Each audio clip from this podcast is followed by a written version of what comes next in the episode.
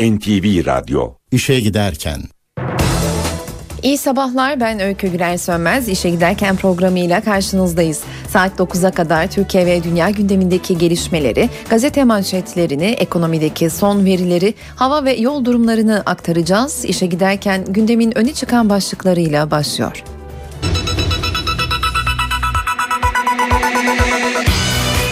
Trakya'da sel etkisini sürdürüyor. Sağnak yağış İstanbul'da su baskınlarına neden oldu. Başbakan Erdoğan PKK'nın okul yakma eylemlerine tepki gösterdi. Fransa Senatosu 1961'deki kanlı Cezayir mitingini kabul etti. Galatasaray Şampiyonlar Ligi'nde Cluj takımıyla bir bir berabere kaldı. İşe giderken gazetelerin gündemi.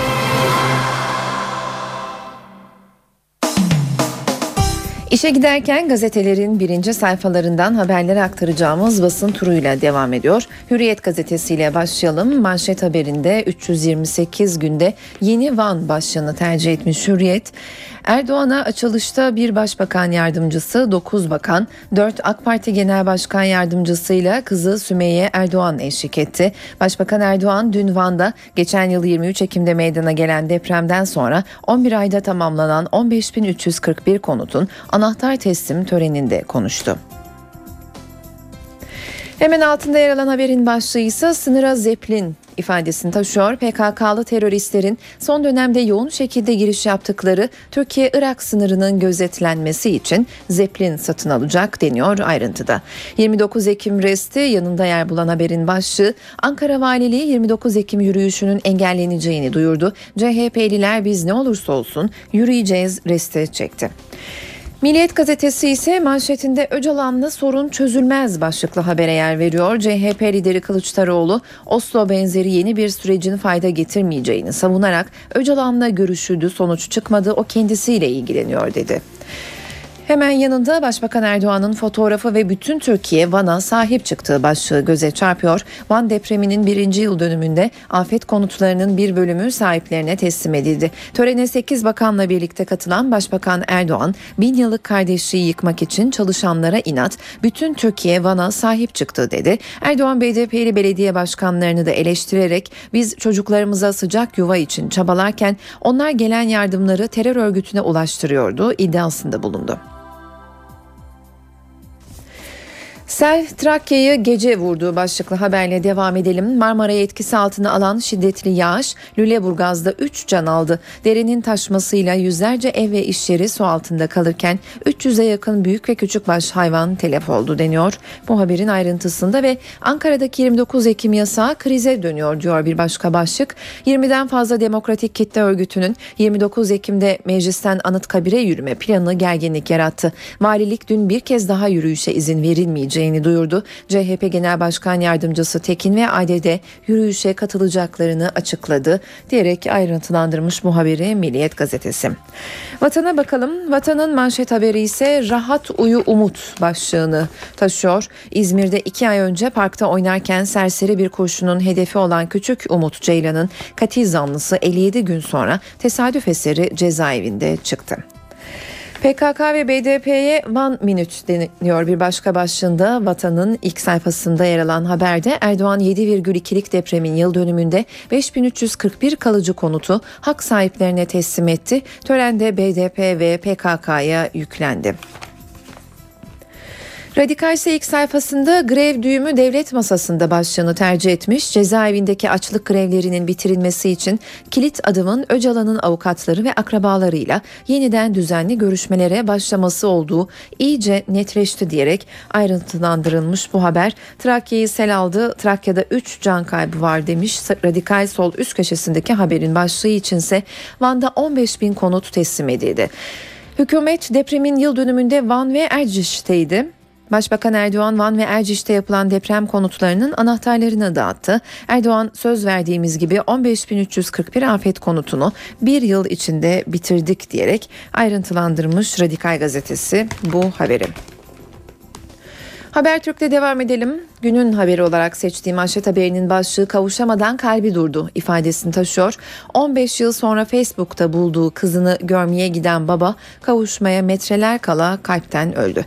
İstanbullu Ahmet Aygün 97'de boşandı. Eski eşi çocuklarını göstermedi. Geçen ay Aygün'e Facebook'tan size benziyorum babamı arıyorum mesajı geldi. Yazan Kocaeli'nde okuyan 21 yaşındaki kızı Yeliz'di. Bir kafede buluşacaklardı. Baba yola çıktı. Metreler kara kala heyecandan direksiyonda kalpten öldü. Kutlama gerginliği hemen yanında yer alan haberin başlığı Ankara Valiliği 29 Ekim yürüyüşü yasak engelleriz CHP yürüyeceğiz diyor. Bugün tüm gazetelerin birinci sayfalarında yer alan bu haber için Habertürk. Fakirin derdi odun başlıklı haber göze çarpıyor. Hemen altında Trakya'da 71 yılın seli 3 ölü. Trakya'da etkili olan sağanak yağış 3 can aldı. İki köy 50 ev sular altında kaldı. Edirne İstanbul karayolu kapandı. Mahsur kalan 300 kişi kurtarıldı. Bir muhtar Tekirdağ 71 yıldır böyle felaket görmedi dedi. Lapseki'de ise vatandaşlar sudan odun topladı.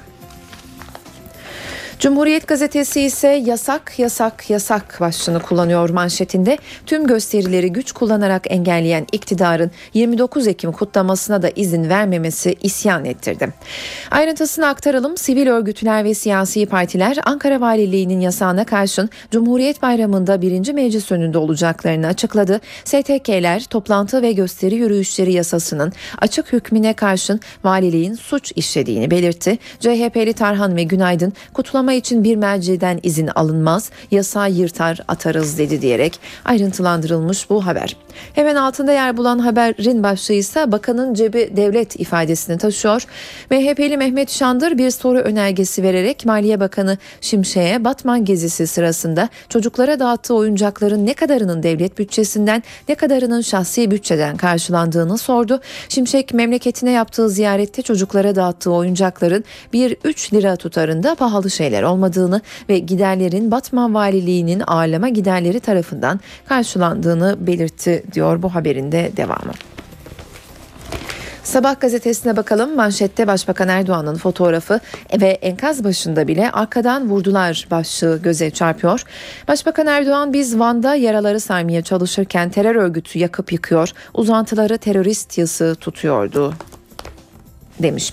Başbakan Erdoğan Van'da deprem konutlarının teslim töreninde PKK ve BDP'ye yüklendi. Biz Van'da deprem yaralarını sarmakla meşgulken terör örgütü görevi başındaki polisimizi alçakça arkadan yaklaşıp şehit ediyor diyerek ayrıntılandırılmış bu haberde. Zehir baronu PKK çarpıcı bir başlık ayrıntısını aktaralım. Van bir baskında 5 ton toz esrar, Diyarbakır bir ayda 1 ton esrar. MIT ve jandarmanın Van'da düzenlediği ortak operasyonda terör örgütünün uyuşturucu kaynaklarına ağır darbe vuruldu. Van'daki operasyonda örgütün son en büyük sevkiyatı çökertildi. Diyarbakır'da ise eylemlerinin finansmanı için örgüt sempatizanı köylülere ürettirdiği 1 ton esrar maddesi ele geçti.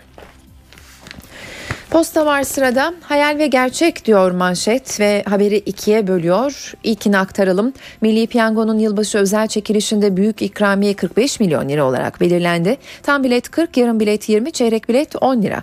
Biletler 29 Kasım'da piyasada olacak. Bütün Türkiye o tarihten itibaren 1 Ocak 2013 sabahına kadar 45 milyon liranın hayaliyle yaşayacak diyor. İkinci haberse Soner Kan madende 1300 lira maaşla çalışıyordu. Eşi 3,5 aylık hamileydi. Çocuğu olunca olunca masrafı artacaktı. Sadece 100 lira fazla maaş almak için başka madende işe başladı. Madende önceki akşam göçük meydana geldi. Soner Kan öldü.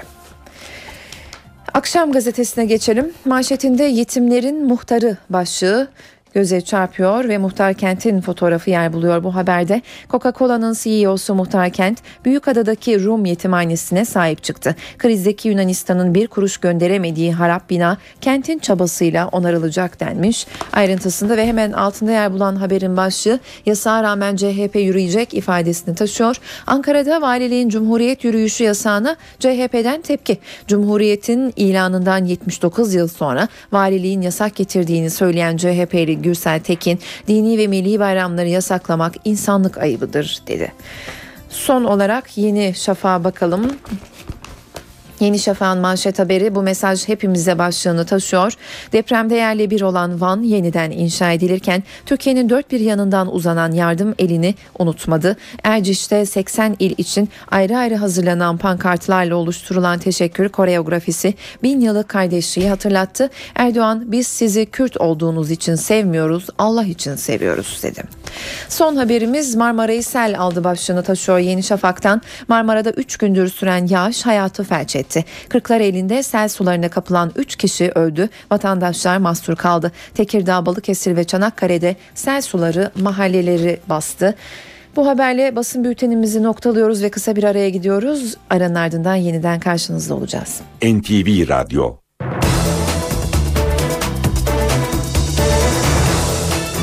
İşe giderken de günün öne çıkan gelişmeleriyle yeniden karşınızdayız. Tekirdağ'ın Çerkezköy ilçesinde sağanak yağış dün gece etkisini yeniden artırdı. Derelerin taşması sonucu çok sayıda kamu kurumu binasını su bastı. Araçlarında mahsur kalanlar iş makineleri yardımıyla kurtarılabildi.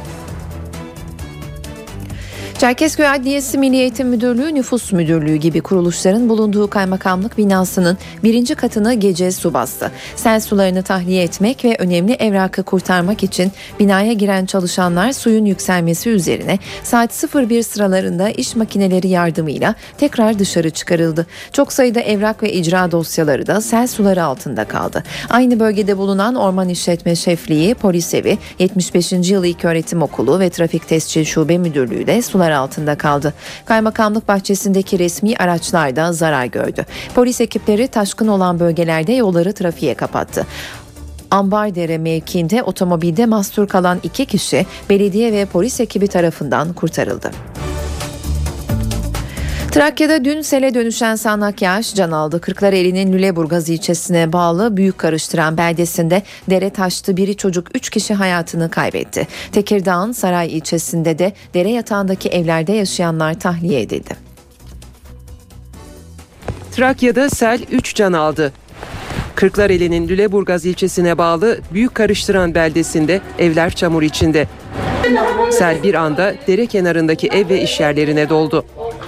Büyük Karıştıran Deresi'nin taşmasıyla birlikte yol tamamen sular altında kaldı. Aynı zamanda yolun karşısındaki evlerde şu anda kullanılamaz durumda. Su birkaç dakika içinde evlerin çatısına kadar yükseldi. Beldede yaşayanlar saatlerce kurtarılmayı bekledi. Dere suyunun taşmasıyla su birinci kata kadar çıkmış. Su basan evlerden birinde yaşayan 93 yaşındaki Zehra Demirel boğularak hayatını kaybetti. Çatıya çıktık. Yani önce kız kardeşimi çıkardım. Ee, daha sonra babama dedim sen çık yaşlı olduğundan dolayı. En son ben kaldığımda kollarımın altına kadar su gelmişti zaten. Ee, babaannemin evine geçtik o aklımıza gelince. Onu almaya gittik ancak yani su artık iyice bizim evimizin yarısına geçmişti yani. İşte onun cesedini falan bulduk orada. Beldede lokanta işleten Siyami Yeni ve oğlu Semih Yeni de iş yerlerinde boğularak öldü. Beldede dere yatağındaki evler tahliye edildi. Her yer her yerde. Yani evlerimiz su içinde. 5 dakika. Deniz gibi aldı gitti, bir dalga gibi aldı, her şeye gitti. Duvara kadar çıktı. Küçük çocuğumu zor kurtardım sırtımda. Daha çocuğu sırtlayıp da buraya çıkana kadar su geldi buraya. Birçok otomobilde selin şiddetiyle sürüklendi. Ee, Üç tane arabam gitti. Ee, Zaten ev üst kat, birinci kat tamamıyla yok oldu. Birinci kat şu anda tamamıyla e, batak. Sel ulaşımı da aksattı. Saray ilçesine bağlı Çukuryurt köyünde sel nedeniyle çöken yol hala ulaşıma kapalı. D100 karayolunun Lüleburgaz-Çorlu istikameti de saatlerdir açılmadı. Marmara bölgesindeki yağış Balıkesir'e bağlı Marmara ve Avşa adalarında sele dönüştü. Marmara Adası'nda selin ardından heyelan oluştu. Sel nedeniyle oluşan zarar da büyük. Marmara Adası'na dün akşam saatlerinde Kızılay tarafından gıda yardımı yapıldı. Yağışın aralıklarla sürdüğü bölgede iş makineleriyle su ve toprak dolan binaları temizleme çalışmaları sürüyor. Trakya'yı vuran sağanak yağış akşam saatlerinden itibaren İstanbul'da da etkili oldu. Yoğun yağış nedeniyle İstanbul'un bazı bölgelerinde su baskınları meydana geldi. Yağıştan en çok etkilenen bölgeler Sarıyer ve Kavacık oldu. Bazı ev ve iş yerlerini de su bastı. Araçlar su birikintilerinin olduğu bölgelerde güçlükle ilerleyebildi. Belediye ekipleri geç saatlere kadar su tahliye çalışması yaptı. Metrekareye Çatalca'da 164, Kilyos'ta 163, Sarıyer'de ise 110 kilogram yağış düştü. İşe giderken Başbakan Erdoğan, Van Erciş'te kalıcı konutların anahtar teslim töreninde BDP'yi eleştirdi. Başbakan hem PKK'nın okul yakma hem de öğretmen kaçırma eylemlerine tepki gösterdi. Terör eylemleri sonucu yakılan, harabeye dönen okullar. Eğitimlerine terör molası vermek zorunda kalan öğrenciler. PKK'nın eğitime ve eğitimcilere yönelik eylemleri Van'da Başbakan Recep Tayyip Erdoğan'ın gündemindeydi. Biz çocuklarımız eğitimlerinden mahrum kalmasın diye süratle okulları ayağa kaldırıp her türlü araçla, gereçle donatırken onların yolu buralara sadece okullarımızı yakmak için yaklaşıyorlardı. Bombalamak için onların yolu buraya uğruyordu. Erdoğan PKK'nın okul yakmasına ve öğretmen kaçırmasına tepki gösterdi. Biz bölge insanına hizmet etsin diye öğretmen, doktor, polis gönderiyoruz.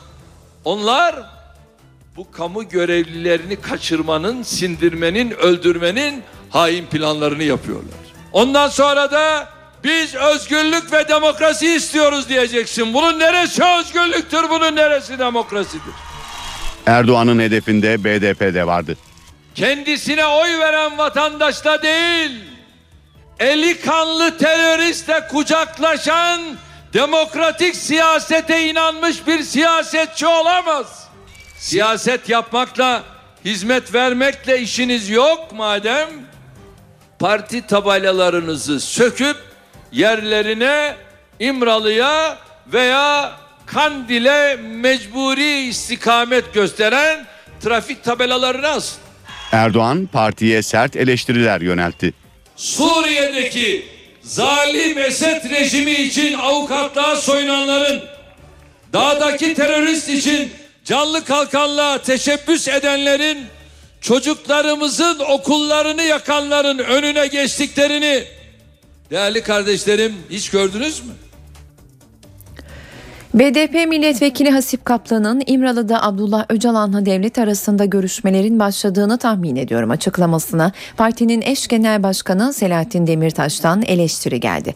Bu konudaki açıklamanın hükümet tarafından yapılması gerektiğini vurgulayan Demirtaş, açıklamalar kişisel tahminden öte değil doğru bulmuyorum dedi. Milletvekilimizin yaptığı açıklamayı da doğru bulmuyorum. Kendi kişisel tahminini kendine saklasa daha iyi olur. İmralı'da bir görüşme yok. Varsa eğer bu konuda hükümet açıklama yapacak. Hükümetin sözcüsü var, bakanı var, başbakanı var. Çıkacak açıklama yapacak. Biz görüşme yapıyoruz, müzakere yürütüyoruz diyecek. Bunun dışında bu açıklamayı yapmak varsa da böyle bir şey BDP'ye düşmez. Şu anda ne İmralı'da ne Oslo'da görüşme olduğuna dair en küçük bilgi kırıntısı dahi bizde yoktur. Tunceli'de özel harekat polis noktasına sızmaya çalışan PKK'lılarla çatışma çıktı. Dört terörist öldürüldü. Saldırı girişimi merkeze bağlı Batman köyü kırsalında yaşandı. Bir grup PKK'lı özel harekat polis noktasına saldırmak istedi. Polis açılan ateşe anında karşılık verdi. Çatışma çıktı. İlk belirlemelere göre dört terörist öldürüldü. Olayın ardından kaçan PKK'lıların yakalanması için bölgede operasyon başlatıldı. işe giderken İzmir'de parkta oynarken vücuduna isabet eden kurşunla hayatını kaybeden 6 yaşındaki Umut Ceylan'ı vuran silah 57 gün sonra bulundu. Silahın başka bir yaralama olayından tutuklu bir zanlıya ait olduğu ortaya çıktı. Zanlının sorgusu sürüyor. 6 yaşındaki Umut Ceylan'ın ölümüne neden olan kurşunun yaralama olayı nedeniyle tutuklanan Can Kaya adlı kişinin silahından çıktığı belirlendi. İzmir polisinin yaklaşık 2 ay süren çalışması sonuç verdi. Can Kayı isminde 1982 doğumlu bir şahıs. Şüpheli bir başka suçtan şu an cezaevinde e, bulunmaktadır. Silah elde, çekirdeği elde, balistik incelemesi tutuyor. Şüpheli Can Kayı 18 Ekim'de Karşıyaka'da bir silahlı yaralama olayına karıştığı için tutuklandı. Silahta yapılan balistik inceleme Umut Ceylan'ın ölümünü aydınlattı. Parkta vücuduna isabet eden kurşunla ölen Umut Ceylan'ın bu silahtan atılan kurşunla öldüğü ortaya çıktı. Umut'un vücudundan çıkan mermi çekirdeğiyle Can Kayı'ya ait ruhsatsız el yapımı silah eşleşti. Şimdi karanlıkta olan nokta silahın olay günü Can Kayı tarafından ateşlenip ateşlenmediği. Bu konu zanlının sorgusu sonucunda ortaya çıkacak. Ve zanlı ile ilgili bir diğer ayrıntı. Can Kayı'nın uyuşturucu kullanmak, yaralama ve hırsızlık suçlarından 8 ayrı sabıkası var. Umut'u vuran silahın belirlenmesi ailesini de memnun etti.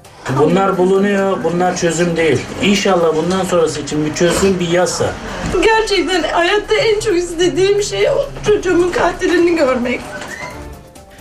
Mardin Bilge köyünde 44 kişinin öldürüldüğü katliamdan sonra köyü terk eden sanık yakınlarının arazi tespiti sırasında gerginlik yaşandı. Jandarma sanık yakınlarını koruyabilmek için havaya ateş açtı. 44 kişinin öldürüldüğü Mardin'deki Bilge köyünde arazi tespiti sırasında olaylar çıktı. Vurmasınlar ya. Bunlar asker. Katliamdan sonra köyü terk edip Kırklar eline yerleşen sanık yakınları kullanmadıkları ev, bahçe ve arazilerinin kamulaştırılmasını talep etti. Mahkeme keşif kararı verdi. Jandarma eşliğinde köye giden sanık yakınları keşif sırasında katliamda hayatını kaybedenlerin yakınlarının saldırısına uğradı. Saldırı sırasında taş ve sopalar kullanıldı. Jandarma öfkeli kalabalığı dağıtmak için havaya ateş açtı. Üç kadın yaralandı. Zırhlı aracı alınan sanık yakınları ve avukatlar Şeyhan Karakolu'na götürüldü. Jandarma ekipleri olayların büyümemesi için köyde önlem aldı. Son çocuk gelin haberi Şanlıurfa'dan geldi. 15 yaşındaki Şehnaz amcasının oğluyla evlendirileceği için okuldan alındı. Tam da bu noktada Şehnaz için Ankara devreye girdi. Daha çocuk yaşta bu çocuklarımızın babam istiyor, amcamın oğluyla evleneceğim şeklindeki bir bakışı kesinlikle kabul etmiyoruz, doğru bulmuyoruz. Şanlıurfa'da amcasının oğluyla evlendirilmek için okuldan alınan 15 yaşındaki Şehnaz'a Aile ve Sosyal Politikalar Bakanlığı sahip çıktı. Bakan Şahin okumak isteyen Şehnaz için gerekenin yapılacağını söyledi. Okumak isteyen herkes okuyacak. 18 yaşından sonra üniversite eğitimini aldıktan sonra evlenme ile ilgili süreci kendi birey olduktan sonra, kendi eğitim imkanı tamamladıktan sonra e, zaten o koşullar içerisinde kendi talebiyle ve kendi e, isteği ve dileği doğrultusunda yapacaktır. Fatma Şahin, Şehnaz'la ilgili bakanlığının Şanlıurfa İl Müdürlüğü'ne talimat verdi. İl Müdürü ailenin yanına gitti. Bakan Şahin, gerekirse Şehnaz'ın ailesiyle yüz yüze konuşacağını söyledi. Bu aileyi de takip edeceğim. Gerekirse anneyle babayla da görüşeceğim. E, bütün eğitim e, aşamalarını bitirdikten sonra yine amcasının oğluyla evlenmek istiyorsa onun takdiridir. Ümraniye'de 1998 yılında öğretmen Serpil Yeşilyurt'u tecavüz edip öldürmekten 7 yıl hapis yatan ve Rahşan affı olarak bilinen yasa değişikliğiyle tahliye olan İsmail Çolak başka bir suçtan yakalanarak cezaevine konuldu. 24 Aralık 2005'te cezaevinden af sayesinde tahliye edilen İsmail Çolak hakkında işlediği başka bir suçtan dolayı tutuklama kararı çıkartıldı. Polis Çolak'ı Sakarya Hendek'teki evinde gözaltına aldı. Emniyetteki işlemlerinin ardından adliyeye sevk edilen zanlı tutuklanarak cezaevine konuldu. Çolak'ın başka bir suçtan hüküm giymesi durumunda cinayet suçundan kalan hapis cezasını da çekeceği öğrenildi. Anaokulu öğretmeni Serpil Yeşilyurt ve annesini kaçıran 4 kişi tecavüz ettikleri öğretmeni öldürmüş, annesini de ağır yaralamıştı. İstanbul polisi Zeytinburnu'nda haraç çetesini suçüstü yakaladı. Bir kafeteryadan haraç aldığı ihbarını alan Asayiş Şube Müdürlüğü ekipleri sivil polislerle birlikte kafeteryaya gitti. Boksör lakaplı Hakan K. 5 adamıyla birlikte dükkan sahibini tehdit ettiği sırada polisler suçüstü yaptı. Bu sırada merdivenlerden kaçmaya çalışan silahlı bir çete üyesiyle polis karşı karşıya geldi. Arbede çıktı bir polis memurunun kolu kırıldı. Güvenlik kamerasına yansıyan olayda polis memurları çete üyelerini gözaltına aldı.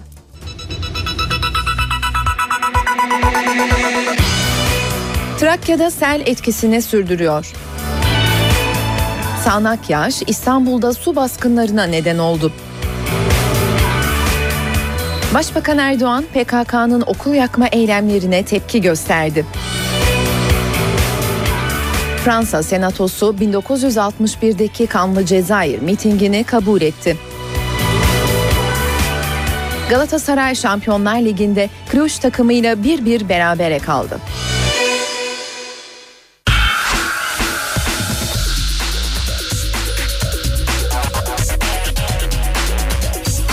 Spor sayfaları.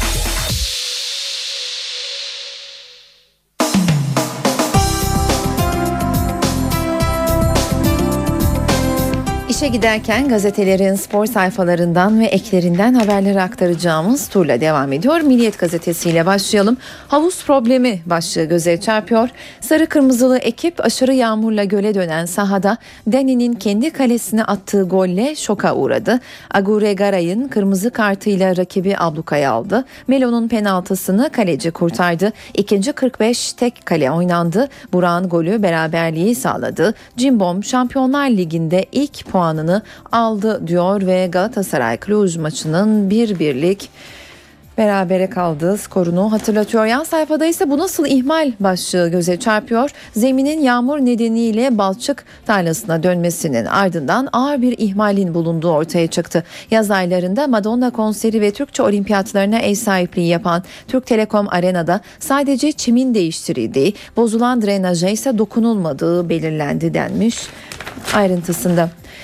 Temiz kağıdı başlığı Aykut Kocaman'ın fotoğrafıyla yer bulan bir başka haber. Fenerbahçe Teknik Direktörü Kocaman Limassol engelini aşarak hem Avrupa Ligi'nde üst turu garantilemek hem de üzerindeki baskıyı ortadan kaldırmak istiyor. Oyuncularıyla bir toplantı yapan Kocaman önlerindeki 3 maçın yol haritalarını belirleyeceğini söyledi denmiş. Bu haberin de ayrıntısında Maria büyüledi yan sayfadaki bir haberin başlığı İstanbul'da yine tüm dikkatleri üzerine çekmeyi başaran Maria Sharapova ilk maçında Roland Garros finalindeki rakibi Sara Errani ile karşılaştı. Rus raketi Errani'ye yine şans tanımadı ve 6-3'lük ve 6-2'lik setlerle maçı kazandı deniyor bu haberin de ayrıntısında. Sıra parada Armstrong başlıklı haberle devam edelim. Doping nedeniyle şampiyonlukları alınan Amerikalı bisikletçi servetini kaybetme tehlikesiyle de karşı karşıya kaldı. Fransa bisiklet turu direktörü sporcunun kazandığı yaklaşık 3 milyon euroyu iade etmesi gerektiğini söyledi. Devam ediyoruz. Hürriyet gazetesi var sırada. Aktaracağımız ilk haber of of of Galatasaray suyunu çıkardı. Başlığını taşıyor 73 orta bir gol diyor alt başlık. Yağmur arenayı göle döndürdü. Deni kendi ağlarını havalandırdı. Cruz 10 kişi kaldı. Melo penaltı kaçırdı. Tek kale maçta 73 orta sonunda Burak'ın golü geldi. Rumenler tek isabetli şut atamadan bir puanı kaptı. Elman Deri bataklık yuttu diyor yan sayfadaki haberin başlığı. Fatih Terim'in fotoğrafıyla birlikte yırtık varsa iki ay oynamayacak. Yağmurla ağırlaşan saha İsveçli'nin sakatlanmasına neden oldu. Bir pozisyonda kayarak müdahale etmek isterken bozuk zeminin etkisiyle yerde kalan golcü futbolcunun sakatlığı ciddi gibi görünüyor.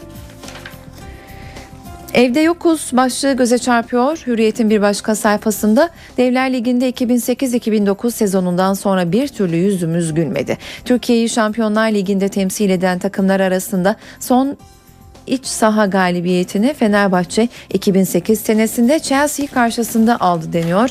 Ayrıntıda ve Alex'in fotoğrafı göze çarpıyor. This is so comic diyor başlık. Alex Fatih Gökşen'in 2007'de Alex'le anlaştık açıklamalarına cevap verdi. Sambacı Türkiye'den gitmesine rağmen hala konuşulmaya devam ediyor. Brezilyalı yıldız futbolcu Galatasaray'dan şimdiye kadar hiçbir yönetici anlaşmadığını ve hatta görüşmediğini söyledi. Sambacı her gün yeni yalan var diyerek iddiaları sert bir şekilde yalanladı. Barça'yı isterim çünkü yorulmuyorlar başlığı göze çarpıyor yine Hürriyet'in bir başka sayfasında Fernandez'in hayallerini süsleyen takım. Beşiktaş'ın starı Katalan ekibinde çok rahat oynayacağını söyledi. Iniesta'nın da büyük bir yıldız olduğunu dile getiren Portekizli kendisiyle yan yana oynamak güzel olurdu. Q7 ile ise aramızda hiçbir problem yok deniyor bu haberin devamında. Vatan gazetesi var sırada spor sayfalarından aktaracağımız ilk haber Aslan Sele kurban gitti başlığını taşıyor. İstanbul etkisi altına alan Yağmur en çok Galatasaray'ı vurdu. Devler Ligi'nde 3. maçta da galibiyet çıkmadı. Bizim hala umudumuz var Fatih Terim'in fotoğrafıyla yer bulan haberin başlığı. Evimizde yapamadığımızı dışarıda yapmalıyız. Kalan maçlarda 7 puan alırsak bizi üst tura götürür mü sanmıyorum. Ancak uğraşacağız, deneyeceğiz, inanıyoruz diyerek Fatih Terim'in Kuruj maçı sonrasında yaptığı açıklamalardan alıntı yapmış Vatan Gazetesi. Aynı tarife başlığı Sharapova'nın fotoğrafıyla yer bulan bir haberin başlığı. Sharapova bu yıl Fransa açık finalinde 6-3-6-2 ile yendiği Errani'yi İstanbul'da da aynı skorla devirdi deniyor bu haberin de ayrıntısında.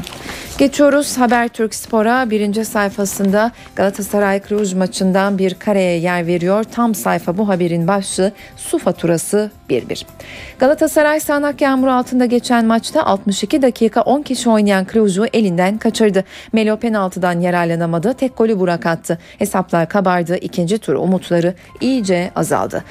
Gök derinmiş sanki arenaya akmıştı. Oyuncular balçık içinde su kayağı yaptı. 19'da Deni'den sekip ağlara giden topla kahrolduk. Agore Garay kızarınca penaltı kazanınca şans bize güldü zannettik. Melo'nun topu kaleciye teslim etmesiyle ah çektik. Rumenleri ablukaya almamıza rağmen sadece 77'de Burak'ın golüyle yetindik. Arenada iki maçtan sadece bir puan çıkardık. Artan sakatlıklarla yıkıldık. Devler Ligi'nde tur hesapları yaparken fırsat tepip darbe aldık. Habertürk Spor'un iç sayfalarına bakalım. Q7 ile küs değilim başlıklı haberi aktaralım. Kuarejma ile hiçbir problemimiz yok olmadı da ilişkimiz hep seviyeli ve düzeyliydi. Umarım en yakın zamanda hem yönetimin hem de onun mutlu olacağı bir çözüm bulunur diyerek Manuel Fernandez'in açıklamalarından alıntı yapmış.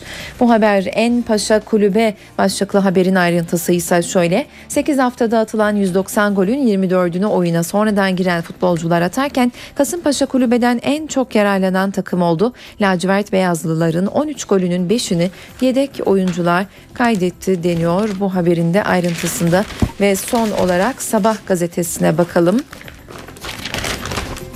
Melodram başlığını kullanıyor. Dün akşamki maç için göle dönen zeminde Cluj tek atakla golü buldu. 62 dakikada 10 kişi oynayan rakibine Burak'la yanıt veren Galatasaray Melo ile bir de penaltıdan yararlanamadı demiş ve son haberimiz 2014 hesapları başlıklı haber. Fenerbahçe'nin AEL'den alacağı 3 puan sadece kendisinin Avrupa'daki kaderini belirlemek için değil, Türkiye'nin 2014-15 sezonunda Devler Ligi'ne iki takımla gitmesi için de önemli diyoruz ve spor gazet, gazetelerin spor sayfalarından haberler aktardığımız turumuzu noktalayarak İstanbul'daki son yol durumuna bakıyoruz.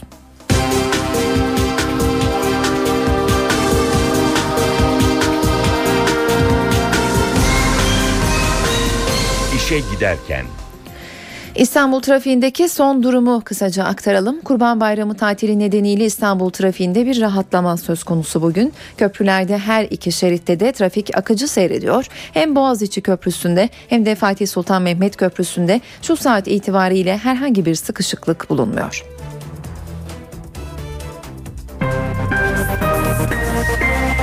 İşe giderken Geride bıraktığımız gün Van depreminin birinci yıl dönümüydü. Başbakan Erdoğan da dün Van'daydı. Depremde evlerini kaybedenler felaketin birinci yıl dönümünde yeni evlerinin anahtarlarını Başbakan Erdoğan'ın elinden aldı. Başbakan Van'da annesinin adının verildiği ilk öğretim okulunun açılışını da yaptı. Geçen yıl depremde evlerini kaybettiler. Bu yıl yeni evlerinin anahtarlarını Başbakan Recep Tayyip Erdoğan'ın elinden aldılar. Van'da 15.341 afet konutu artık hak sahiplerinin. Daha işimiz bitti mi? Bitmedi. Daha yapacak çok işimiz var. Eski rakamla şu ana kadar 3,5 katrilyon harcadık burada. Yapılacak olanlarla birlikte bu rakam 5,5 katrilyona ulaşacak. Hedef bu. Başbakan anahtar teslim töreninde konuştu. Bazı dedikodular dolaşıyor. Diyorlar ki efendim işte bu kadar paralar toplandı. Yurt dışından paralar geldi. Bu paralar ne oldu? Bunu size söyleyenlere sadece şunu söyleyeyim. Siz bu topladığınız paraları acaba ne kadarını başbakanlık hesabına yatırdınız? Hayırlı olsun diyoruz. Ya Allah! Bismillah. Konut teslim töreninde başbakana 10 bakan eşlik etti. Tören alanında tüm illerin isimleri ve plaka numaralarının yanında teşekkürler ifadesinin bulunduğu 81 pankart dikkat çekti. Erdoğan depremzedelere yardım eden hayırseverlere de plaket verdi. Sayın Acun Ilıcalı.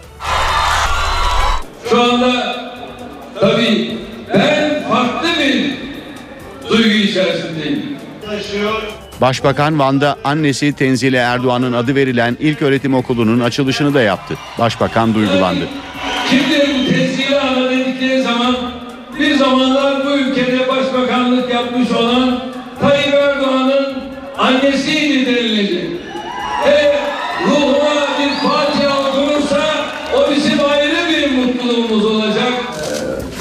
Başbakan kızı Sümeyye Erdoğan'la okulda bir derse katıldı, öğrencilerle sohbet etti.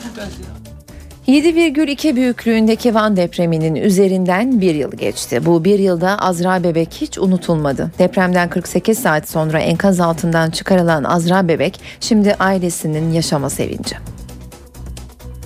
O bir mucizenin adı.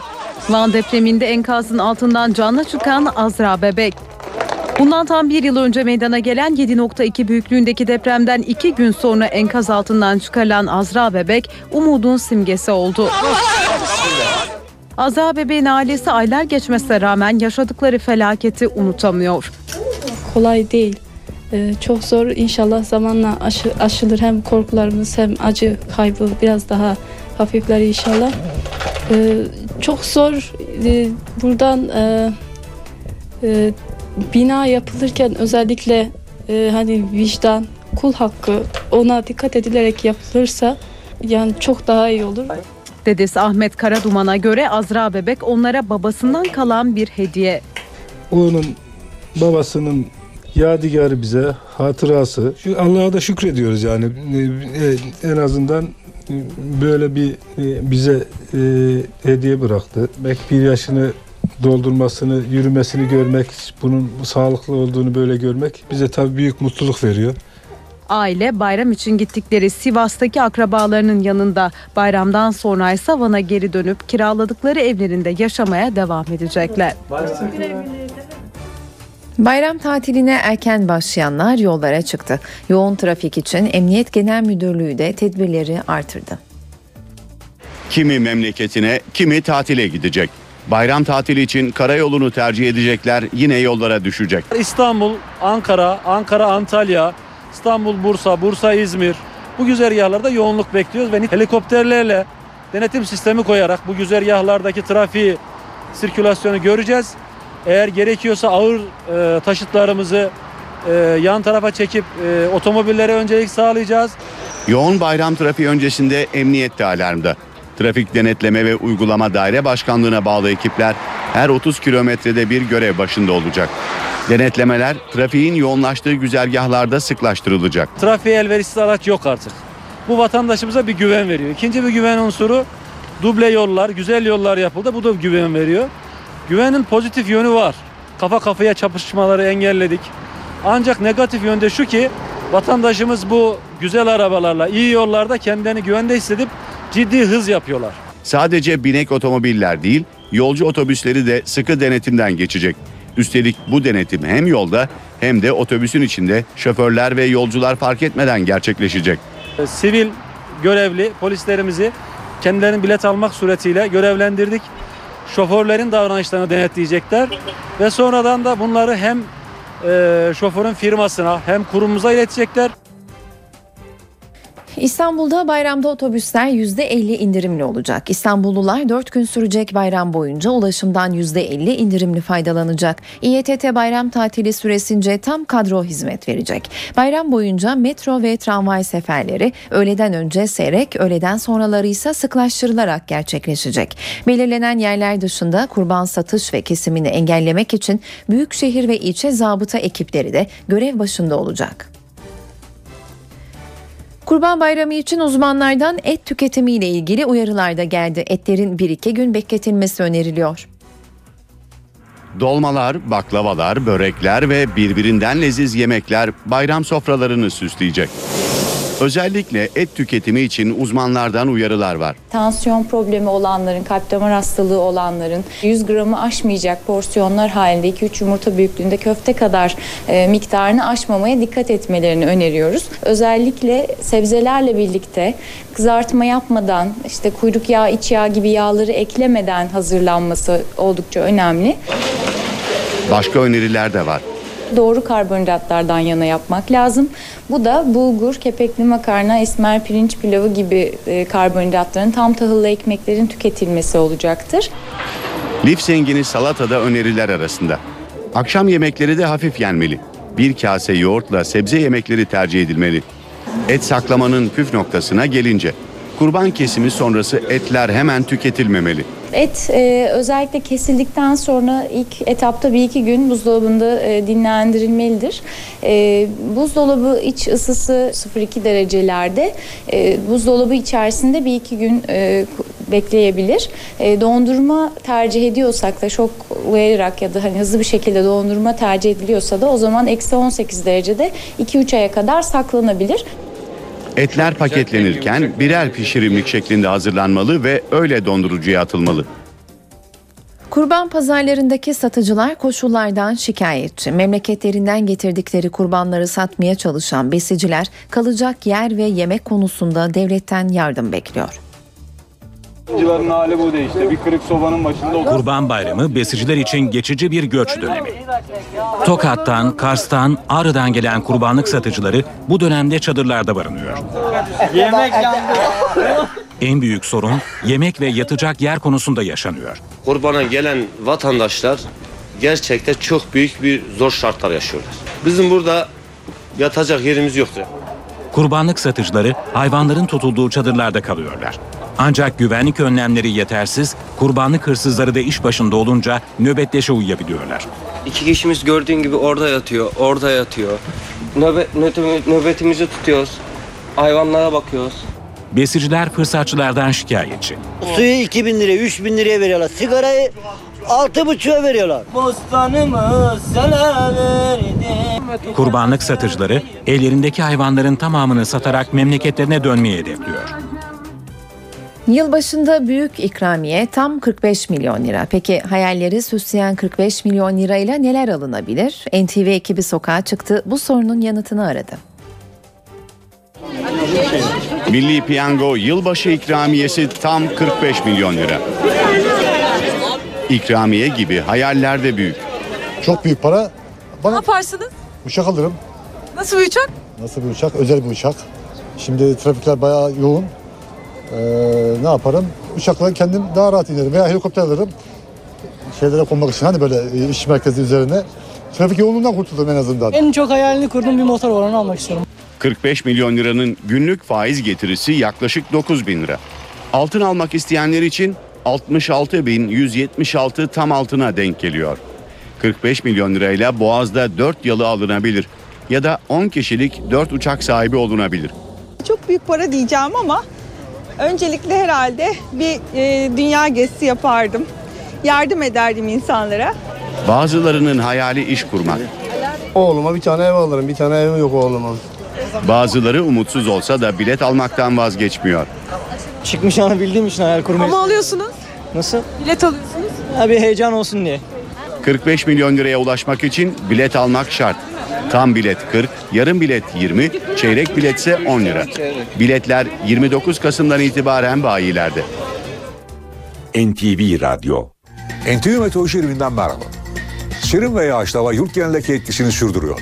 Haftanın ikinci yarısı Lodos'la birlikte sıcaklıkların yeniden yükselmesini bekliyoruz. Bugün için Trakya'da yağış giderek etkisini kaybederken Marmara'nın güney ve doğusu ve Karadeniz boyunca yağış aralıklarla devam edecek. Güneyde de yer yer kuvvetli sağanaklar görülecek. Doğuda da yağışların aralıklarla da etkisini bugün sürdürmesini bekliyoruz. Bugün Trakya'da yağış yok. Marmara'nın doğusu ve güneyiyle Karadeniz boyunca aralıklı, Ege, Batı Akdeniz ve özellikle Güneydoğu'da yer yer kuvvetli olmak üzere sağanaklar devam edecek. Bayramın birinci günü Marmara, Batı Karadeniz ve Ege'nin kıyı kesimlerinde yağış beklemiyoruz. Batı Akdeniz ve Doğu Karadeniz'de aralıklı, Güneydoğu'da ise kuvvetli sağanaklar etkisini sürdürecek. Bayramın ikinci ve üçüncü günü yurt genel önemli bir yağış görülmeyecek ama dördüncü günü batı bölgeler Lodos'la birlikte yeni bir yağışlı havanın etkisine girecek ve rüzgarın karayela dönmesiyle akşam saatlerinde hava Trakya'dan başlayarak hızla soğuyacak. Bölgelerin bugünkü durumuna baktığımız zaman Trakya'da yağış etkisini kaybedecek ama genellikle çok bulutlu. Edirne ve Çanakkale arasında çok bulutlu bir hava görülürken Balıkesir, Bursa, Sakarya, İstanbul arasında aralıklarla yağış görülecek. Ege'de yağışlar bugün için ara vermiyor. İzmir'de aralıklarla yağış var. Muğla, Denizli, Afyonkarahisar, Kütahya'da aralıklarla yağışlar görülürken Muğla'da sıcaklık 20 derece olacak. Batı Akdeniz'de yer yer kuvvetli sağanak yağışları bekliyoruz. Isparta, Antalya arasında sağanaklar etkili olurken Mersin, Adana arasında hava çok bulutlu olacak. Ankara, Eskişehir arasında aralıklarla yağış var. Konya, Niğde, Kayseri arasında parçalı, Sivas'ta ise yine hafif de olsa yağış görülecek. Zonguldak Bolu arasında yağış aralıklarla devam ederken yine gün içinde Samsun, Tokat, Trabzon, Artvin boyunca aralıklarla yağışlar görülecek. Malatya çok bulutlu, Erzurum, Kars arasında kısa süreli yağış geçişleri görülürken Marakkari boyunca hava çok bulutlu olacak. Gaziantep Adıyaman arasında aralıklarla yağış var ve yağışlar ilerleyen saatlerde giderek kuvvetlenecek. Diyarbakır, Şanlıurfa, Mardin'de de hava çok bulutlu olacak. İstanbul'da yağış öğleden sonra etkisini kaybediyor ve sıcaklık gündüz 23, gece ise 16 derece olacak. Bayramın ilk günü hava serin, sonrasında ısınacak. Ankara'da iki gün hafif yağmur var, sıcaklık gündüz 20, gece ise 10 derece olacak. Cuma'dan itibaren yağış etkisini kaybedecek. İzmir'de yağmur var, sıcaklık 23 derece. Bayramda yağış ara veriyor, hafta sonu tekrar gelecek. İşe giderken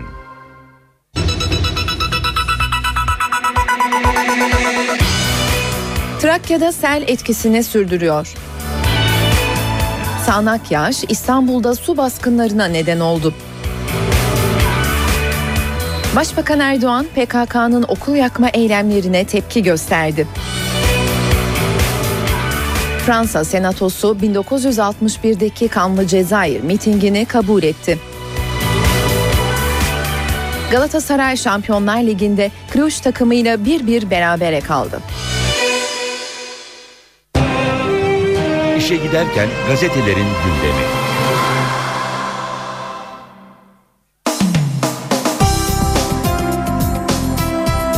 İşe giderken gazetelerin birinci sayfalarından haberler aktaracağımız basın turuyla devam ediyor. Milliyet gazetesiyle başlayalım turumuza. Manşette Başbakan Erdoğan'ın fotoğrafı ve bütün Türkiye Van'a sahip çıktı başlığı göze çarpıyor. Ayrıntısını aktaralım.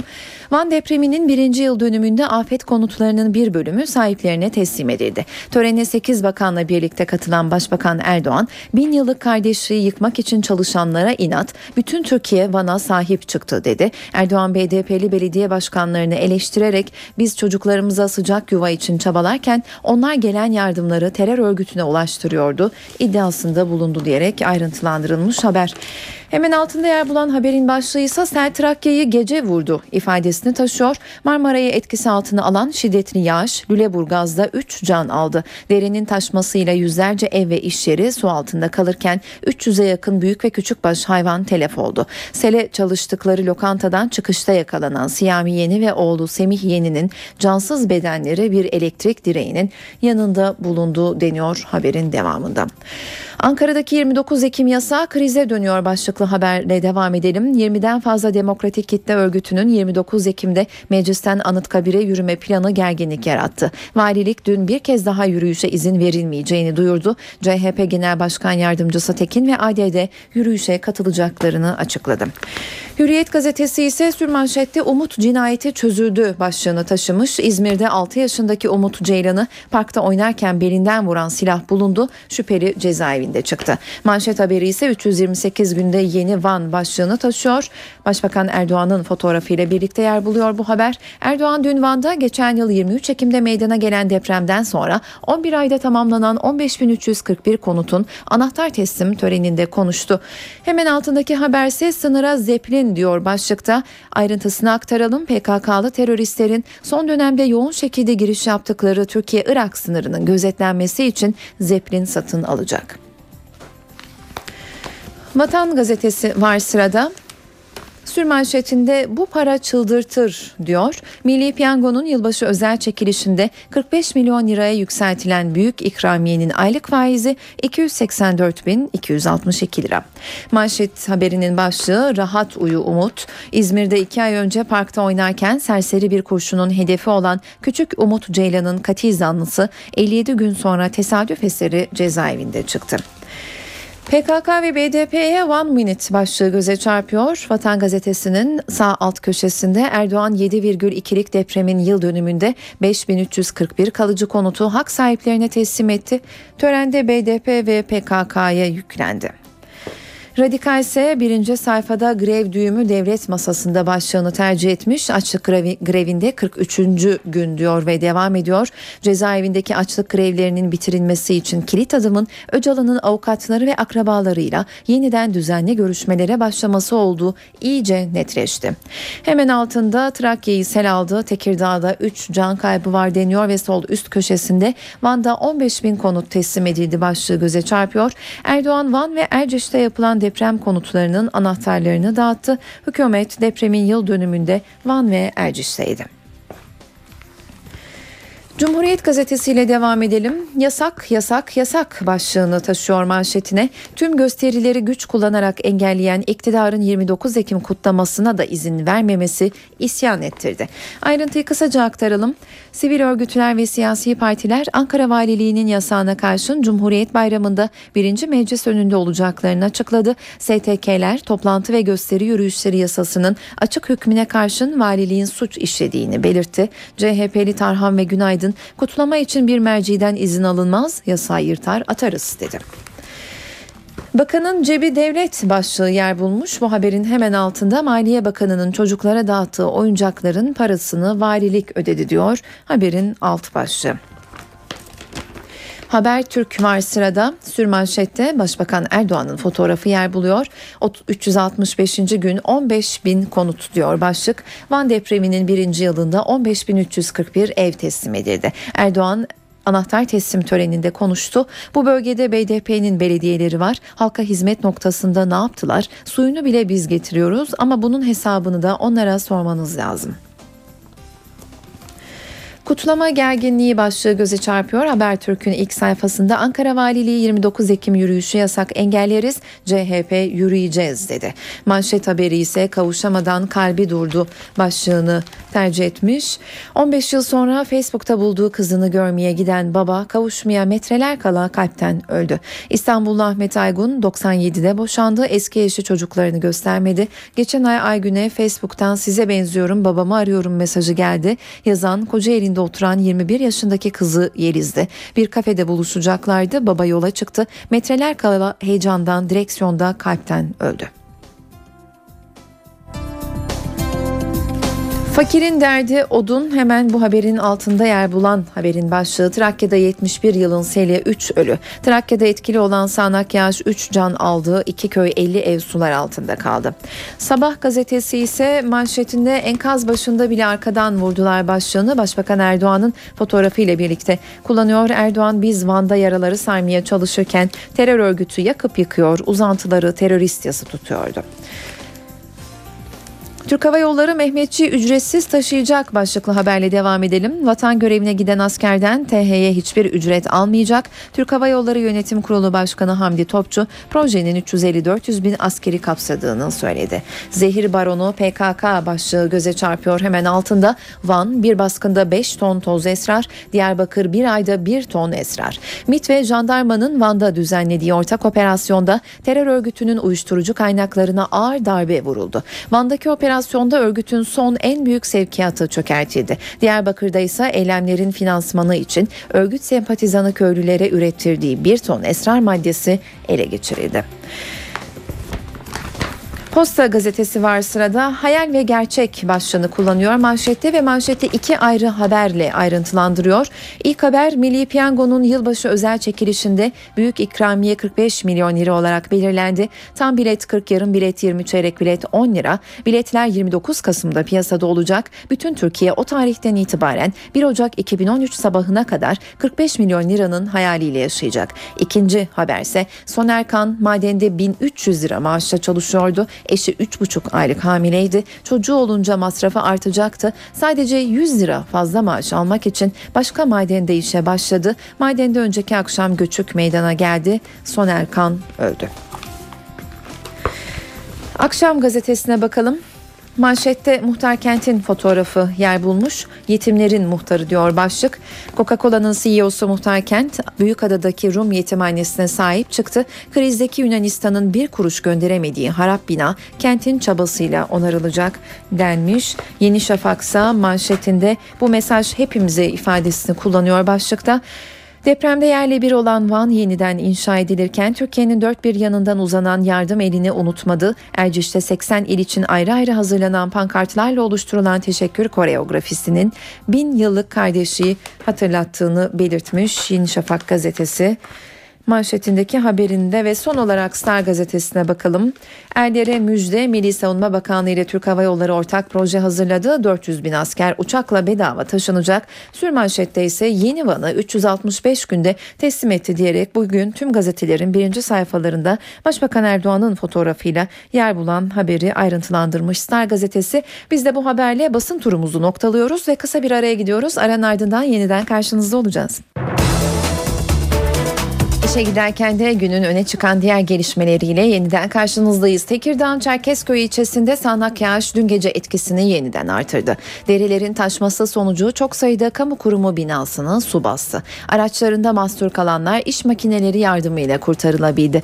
Çerkezköy Adliyesi Milli Eğitim Müdürlüğü, Nüfus Müdürlüğü gibi kuruluşların bulunduğu kaymakamlık binasının birinci katını gece su bastı. Sel sularını tahliye etmek ve önemli evrakı kurtarmak için binaya giren çalışanlar suyun yükselmesi üzerine saat 01 sıralarında iş makineleri yardımıyla tekrar dışarı çıkarıldı. Çok sayıda evrak ve icra dosyaları da sel suları altında kaldı. Aynı bölgede bulunan Orman İşletme Şefliği, Polis Evi, 75. yıl İlköğretim Okulu ve Trafik Tescil Şube Müdürlüğü de sular altında kaldı. Kaymakamlık bahçesindeki resmi araçlar da zarar gördü. Polis ekipleri taşkın olan bölgelerde yolları trafiğe kapattı. Trakya'da dün sele dönüşen sağanak yağış can aldı. Kırklareli'nin Lüleburgaz ilçesine bağlı Büyük Karıştıran beldesinde dere taştı. Biri çocuk, üç kişi hayatını kaybetti. Tekirdağ'ın Saray ilçesinde de dere yatağındaki evlerde yaşayanlar tahliye edildi. Trakya'da sel 3 can aldı.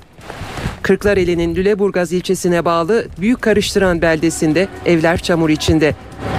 Sel bir anda dere kenarındaki ev ve iş yerlerine doldu. Büyük Karıştıran Deresi'nin taşmasıyla birlikte yol tamamen sular altında kaldı. Aynı zamanda yolun karşısındaki evlerde şu anda kullanılamaz durumda. Su birkaç dakika içinde evlerin çatısına kadar yükseldi. Beldede yaşayanlar saatlerce kurtarılmayı bekledi. Dere suyunun taşmasıyla su birinci kata kadar çıkmış. Su basan evlerden birinde yaşayan 93 yaşındaki Zehra Demirel boğularak hayatını kaybetti. Çatıya çıktık. Yani önce kız kardeşimi çıkardım. Ee, daha sonra babama dedim sen çık yaşlı olduğundan dolayı. En son ben kaldığımda kollarımın altına kadar su gelmişti zaten. Ee, babaannemin evine geçtik o aklımıza gelince. Onu almaya gittik ancak yani su artık iyice bizim evimizin yarısına geçmişti yani. İşte onun cesedini falan bulduk orada. Beldede lokanta işleten Siyami Yeni ve oğlu Semih Yeni de iş yerlerinde boğularak öldü. Beldede dere yatağındaki evler tahliye edildi. Her yer her yerde. Yani evlerimiz su içinde. 5 dakika. Deniz gibi aldı gitti, bir dalga gibi aldı, her şey gitti. Duvara kadar çıktı. Küçük çocuğumu zor kurtardım sırtımda. Daha çocuğu sırtlayıp da buraya çıkana kadar su geldi buraya. Birçok otomobilde selin şiddetiyle sürüklendi. Ee, Üç tane arabam gitti. Ee, Zaten ev üst kat, birinci kat tamamıyla yok oldu. Birinci kat şu anda tamamıyla e, batak. Sel ulaşımı da aksattı. Saray ilçesine bağlı Çukuryurt köyünde sel nedeniyle çöken yol hala ulaşıma kapalı.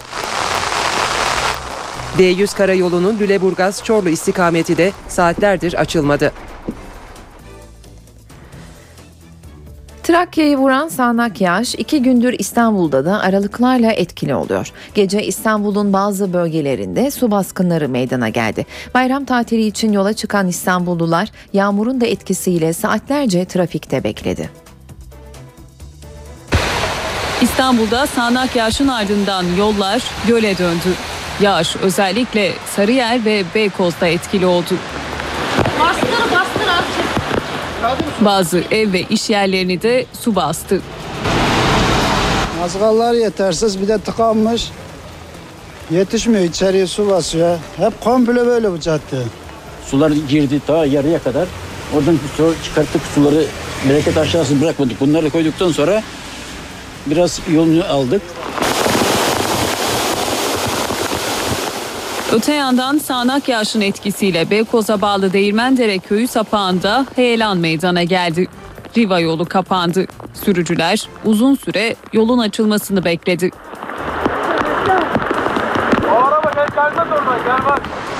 Kurban Bayramı tatili için yola çıkan İstanbullular yağmurun da etkisiyle saatlerce yollarda kaldı. Köprü girişlerinde kilometrelerce araç kuyruğu oluştu.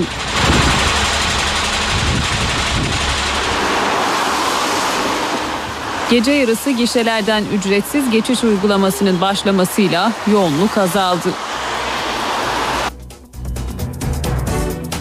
Başbakan Erdoğan Van Erciş'te kalıcı konutların anahtar teslim töreninde BDP'yi eleştirdi.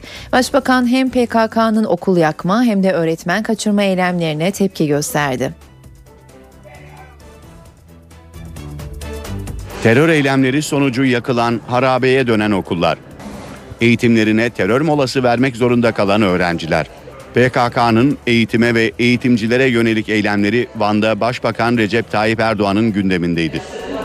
Biz çocuklarımız eğitimlerinden mahrum kalmasın diye süratle okulları ayağa kaldırıp her türlü araçla, gereçle donatırken onların yolu buralara sadece okullarımızı yakmak için yaklaşıyorlardı. Bombalamak için onların yolu buraya uğruyordu. Erdoğan PKK'nın okul yakmasına ve öğretmen kaçırmasına tepki gösterdi. Biz bölge insanına hizmet etsin diye öğretmen, doktor, polis gönderiyoruz. Onlar bu kamu görevlilerini kaçırmanın, sindirmenin, öldürmenin hain planlarını yapıyorlar. Ondan sonra da biz özgürlük ve demokrasi istiyoruz diyeceksin. Bunun neresi özgürlüktür, bunun neresi demokrasidir? Erdoğan'ın hedefinde BDP de vardı. Kendisine oy veren vatandaşla değil, eli kanlı teröristle kucaklaşan demokratik siyasete inanmış bir siyasetçi olamaz. Siyaset yapmakla, hizmet vermekle işiniz yok madem parti tabelalarınızı söküp yerlerine İmralı'ya veya Kandil'e mecburi istikamet gösteren trafik tabelalarını asın. Erdoğan partiye sert eleştiriler yöneltti.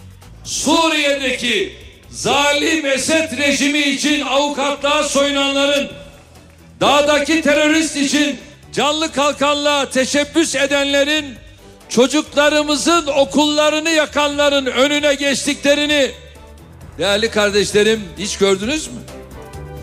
Bayram tatiline erken başlayanlar yollara çıktı. Yoğun trafik için Emniyet Genel Müdürlüğü de tedbirleri artırdı. Kimi memleketine, kimi tatile gidecek. Bayram tatili için karayolunu tercih edecekler yine yollara düşecek. İstanbul, Ankara, Ankara, Antalya, İstanbul, Bursa, Bursa, İzmir. Bu güzergahlarda yoğunluk bekliyoruz ve helikopterlerle denetim sistemi koyarak bu güzergahlardaki trafiği, sirkülasyonu göreceğiz. Eğer gerekiyorsa ağır e, taşıtlarımızı e, yan tarafa çekip e, otomobillere öncelik sağlayacağız. Yoğun bayram trafiği öncesinde emniyet de alarmda. Trafik Denetleme ve Uygulama Daire Başkanlığı'na bağlı ekipler her 30 kilometrede bir görev başında olacak. Denetlemeler trafiğin yoğunlaştığı güzergahlarda sıklaştırılacak. Trafiğe elverişsiz araç yok artık. Bu vatandaşımıza bir güven veriyor. İkinci bir güven unsuru duble yollar, güzel yollar yapıldı. Bu da güven veriyor. Güvenin pozitif yönü var. Kafa kafaya çapışmaları engelledik. Ancak negatif yönde şu ki vatandaşımız bu güzel arabalarla iyi yollarda kendini güvende hissedip ciddi hız yapıyorlar. Sadece binek otomobiller değil, yolcu otobüsleri de sıkı denetimden geçecek. Üstelik bu denetim hem yolda hem de otobüsün içinde şoförler ve yolcular fark etmeden gerçekleşecek. E, Sivil görevli polislerimizi kendilerinin bilet almak suretiyle görevlendirdik. Şoförlerin davranışlarını denetleyecekler ve sonradan da bunları hem e, şoförün firmasına hem kurumumuza iletecekler. Ankara gündemi. Sırada başkent gündemi var. Ankara gündeminin ayrıntılarını NTV muhabiri Özden Erkuş'tan dinliyoruz. Günaydın diyelim Ankara'dan. Başkent Ankara'da çok uzun bir zamandan bu yana iki ana gündem maddesi var. Bunlardan biri PKK ile mücadele, diğeri ise Suriye ile yaşanan kız. İşte bu iki konu başlığını yakından ilgilendiren sürpriz bir konuk vardı dün başkent Ankara'da. ABD Genelkurmay 2. Başkanı James Winnefeld başkent Ankara'ya geldi dün sabah saatlerinde. Anıtkabir'e gitti ardından da Genelkurmay karargahına geçti ve Genelkurmay karargahında da Genelkurmay 2. Başkanı Orgeneral Hulusi Akar'la önemli bir görüşme gerçekleştirdi. Görüşmede masada PKK ile mücadelede istihbarat, anlık istihbarat ve bu istihbaratın alınmasında yaşanan sıkıntılar vardı. ABD'li komutanın geleceğine ilişkin ipucu aslında geçtiğimiz hafta Amerikan Büyükelçisi Chardonnay tarafından verilmişti. Bir toplantıda Chardonnay PKK ile ilgili olarak önemli bir ABD'li komutan önümüzdeki hafta Türkiye'ye gelecek demişti. İşte o ziyaret gerçekleşti ve bu ziyarette Amerikan ordusunun iki numaralı ismine anlık istihbarat paylaşımında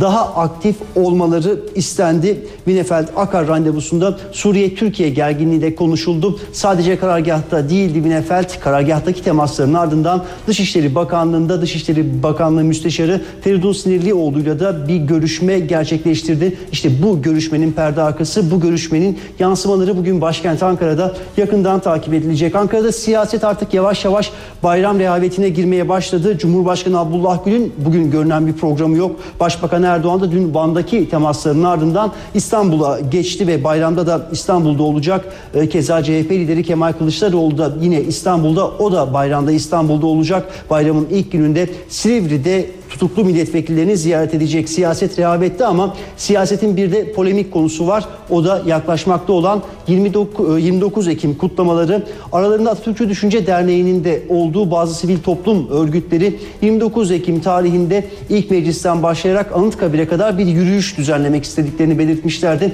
Ancak valilik bu yürüyüşe izin vermedi. Valilik kanunsuz ilan ettiği yürüyüşün güvenlik güçleri tarafından engelleneceğini ve katılanlar hakkında da yasal işlem yapılacağını belirtti. İşte bunun polemiği sürüyor. CHP'den sert tepki geldi. CHP Genel Başkan Yardımcısı Gökhan Günaydın anayasaya göre toplantı ve gösteri yürüyüşleri için izin alınması gerekmediğini belirtti. Konuyla ilgili bugün yaşanacak gelişmeler, bugün gelecek açıklamalarda yine başkent Ankara'da dikkatle takip edilecek. Başkent Ankara'da güne dair tek rutin gündem maddesi ise Ulaştırma Bakanı ile ilgili Ulaştırma Denizcilik ve Haberleşme Bakanı Binali Yıldırım Kızılağaçay yolu metro çalışmaları nedeniyle kapatılan İnönü Bulvarı'nda incelemelerde bulunacak. Bugün başkent Ankara'da gündemin ana başlıkları bu şekilde olacak. İşe giderken Para ve sermaye piyasalarının dün günü nasıl kapattığını hatırlayalım. İMKB 100 endeksi günlük bazda %0,64 oranında değer kaybederek 70.762 puandan kapandı. Serbest piyasada dolar 1.79.51, euro 2.34.19 liradan satıldı. Euro dolar paritesi 1.29, dolar yen paritesi 78 seviyelerinde seyretti. Uluslararası piyasalarda altının onsu 1711 dolardan işlem gördü. Kapalı çarşıda Cumhuriyet altını 670 lira. Günün en önemli olayları. Haberin tüm yönleri. Kırıcı bir üslubumuz yok. Bir şey istedik sadece. Perde arkası. Sorumlular ortaya çıkarılacak ve gereken yapılacaktır. Anında radyonuzda. NTV Radyo İstanbul. NTV Radyo İzmir. NTV Radyo Ankara. NTV Radyo Irak. NTV Radyo Kahire. NTV Radyo. Habere ulaşmanın en kolay yolu. İşe giderken de kısa bir araya gideceğiz ama öncesinde günün öne çıkan başlıklarını hatırlayalım.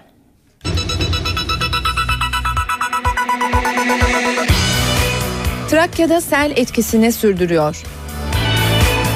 Sağnak yağış İstanbul'da su baskınlarına neden oldu. Başbakan Erdoğan PKK'nın okul yakma eylemlerine tepki gösterdi. Fransa Senatosu 1961'deki kanlı Cezayir mitingini kabul etti. Galatasaray Şampiyonlar Ligi'nde Cluj takımıyla 1-1 berabere kaldı.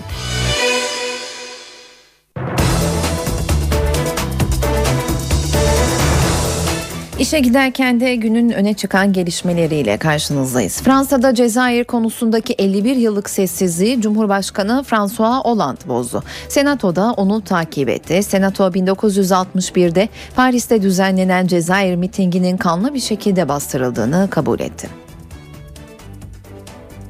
Fransa Senatosu 1961 yılında kanlı bir şekilde bastırılan Cezayir mitingine ilişkin önemli bir karara imza attı. 17 Ekim 1961'de ülkelerinin bağımsızlığı için gösteri düzenleyen Cezayirlilerin mitinginin kanlı şekilde bastırıldığı Senato tarafından kabul edildi. Senato tarafından kabul edilen karar metninde ayrıca Senato Fransa'nın bu olayları tanımasını arzu eder ve 17 Ekim 1961 olaylarının kurbanları anısına bir anıt dikilmesini temenni eder ifadeleri yer aldı. Senato'nun aldığı kararın özür niteliği taşımadığı, bağlayıcılığı bulunmadığı ve gösteride hayatını kaybedenlerin aileleri için tazminat yolu açmayacağı belirtiliyor. Fransa Cumhurbaşkanı François Hollande da geçtiğimiz hafta yaptığı açıklamada gösterinin kanlı bir şekilde bastırıldığını kabul etmiş ve hayatını kaybedenleri saygıyla andığını ifade etmişti. Paris'teki kanlı olay Fransa tarihinde 17 Ekim 1961 dramı olarak anılıyor. Fransız tarihçiler polisin baskını sırasında yüzlerce Cezayirlinin yargısız infaza kurban gittiğini belirtiyor. Resmi tarih ise şu ana kadar Cezayirli göstericilerin polise karşı koyması sonucu sadece 3 kişinin öldürüldüğünü iddia ediyordu. İtalyan yargısının 2009'daki depremde meydana gelen can kaybından bilim adamlarını sorumlu tutup hapis cezası vermesi tartışmaları ve tepkileri de beraberinde getirdi. Karara sadece İtalya'dan değil dünyadan tepki yağıyor. İtalyan adaletinin 2009 yılında 309 kişinin öldüğü Aquila kentindeki depremle ilgili olarak bilim adamlarını sorumlu tutması tepkileri beraberinde getirdi. 7 bilim adamının halka yanıltıcı, eksik ve çelişkili bilgi vermekten 6'şar yıl hapse mahkum olmasına başta İtalya olmak üzere birçok ülkeden tepki var. İtalya Büyük Riskler Komisyonu Başkanı karara tepki olarak görevinden istifa etti. Amerikalı, İngiliz ve Japon deprem uzmanları başta olmak üzere İtalyan bilim adamlarına birçok ülkeden destek yağıyor. I fattori condizionalistici alternativi Kararı absürt ve anlamsız olarak nitelendiren Amerikalı uzmanlar bu mantıkla fırtınayı tahmin edemeyen meteoroloji uzmanlarının veya tehlikeli bir virüsü öngöremeyen biyologların da zan altında kalacağını belirtiyor. Bazı Amerikalı bilim adamları da Cumhurbaşkanı Giorgio Napolitano'ya mektup yazarak yardım istedi. Aquila bölgesindeki deprem öncesinde bir basın toplantısı yapıp görüş bildiren 7 uzman endişeli bölge halkına rahat olmalarını telkin etmişti. Bundan sonra İtalya'da deprem konusunda kime danışılacağı, kimin bağımsız bir şekilde görüş bildirebileceği tartışılıyor. Kararı temyize götürecek bilim adamları İtalyan yasalarına göre temyizden çıkacak sonuca kadar cezaevine girmeyecek. Türk erkeğinin kadına şiddeti Avrupa Birliği tarafından hazırlanan rapora girdi. Avrupa Birliği Kadın Erkek Eşitliği Merkezi'nin raporuna göre Türk erkeği Avrupa Birliği sınırlarında da kadına şiddet uyguluyor. Türk erkeği kadınlara sadece Türkiye'de değil yurt dışında da şiddet uyguluyor. Bu ifade Avrupa Birliği Kadın Erkek Eşitliği Merkezi tarafından yayınlanan raporda yer alıyor. 221 sayfalık rapor, Avrupa Birliği'ne üye ülkelerde göçmen kadınların kocalarının veya partnerlerinin şiddetine maruz kaldığını gösteriyor. Rapora göre Kuzey Afrika ve Latin Amerikalı göçmenlerin ardından en fazla şiddete maruz kalan grup Türk kadınları. Raporda şiddete maruz kalan göçmen kadınların dil sorunu ve kültürel farklılıklardan dolayı bu durumu güvenlik güçlerine anlatmakta sıkıntı çektiği ifade ediliyor. Kadına şiddetin güvenlik güçleri tarafından takip edilmemesinin erkekleri daha da cesaretlendirdiği de raporda vurgulanıyor. James Bond serisinin 23. filmi olan ve bazı bölümleri Türkiye'de çekilen Skyfall'un galası Londra'da yapıldı. Film ekibinin yanı sıra İngiltere Veliaht Prens Charles da geceye katılanlar arasındaydı. İngiltere'nin başkenti Londra, James Bond serisinin son filmi Skyfall'un galasına ev sahipliği yaptı. Filmin başrol oyuncuları Daniel Craig, Judi Dench ve Javier Bardem'le birlikte yönetmen Sam Mendes kırmızı halıda boy gösterdi.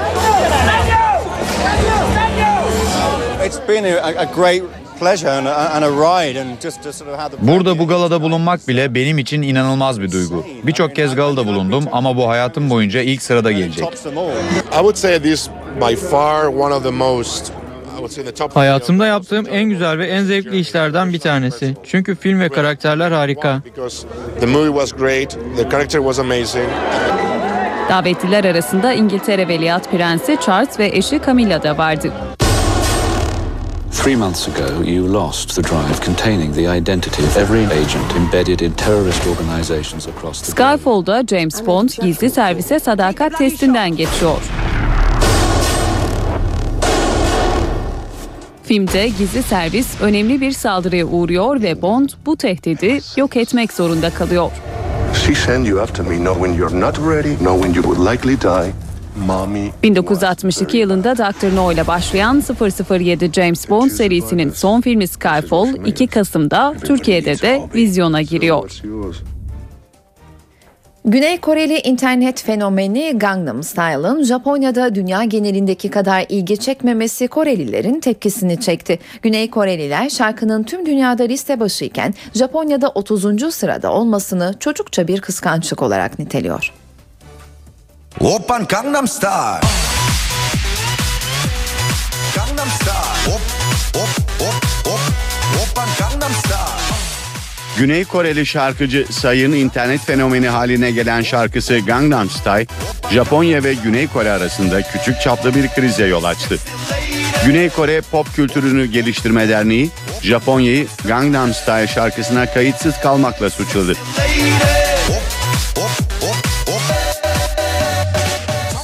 Güney Korelilere göre İngiltere müzik listelerinde birinci, Amerika'da ise ikinci olan Gangnam Style'ın Japonya'da 30. sıraya takılıp kalması Japonların kıskançlığı ile ilgili.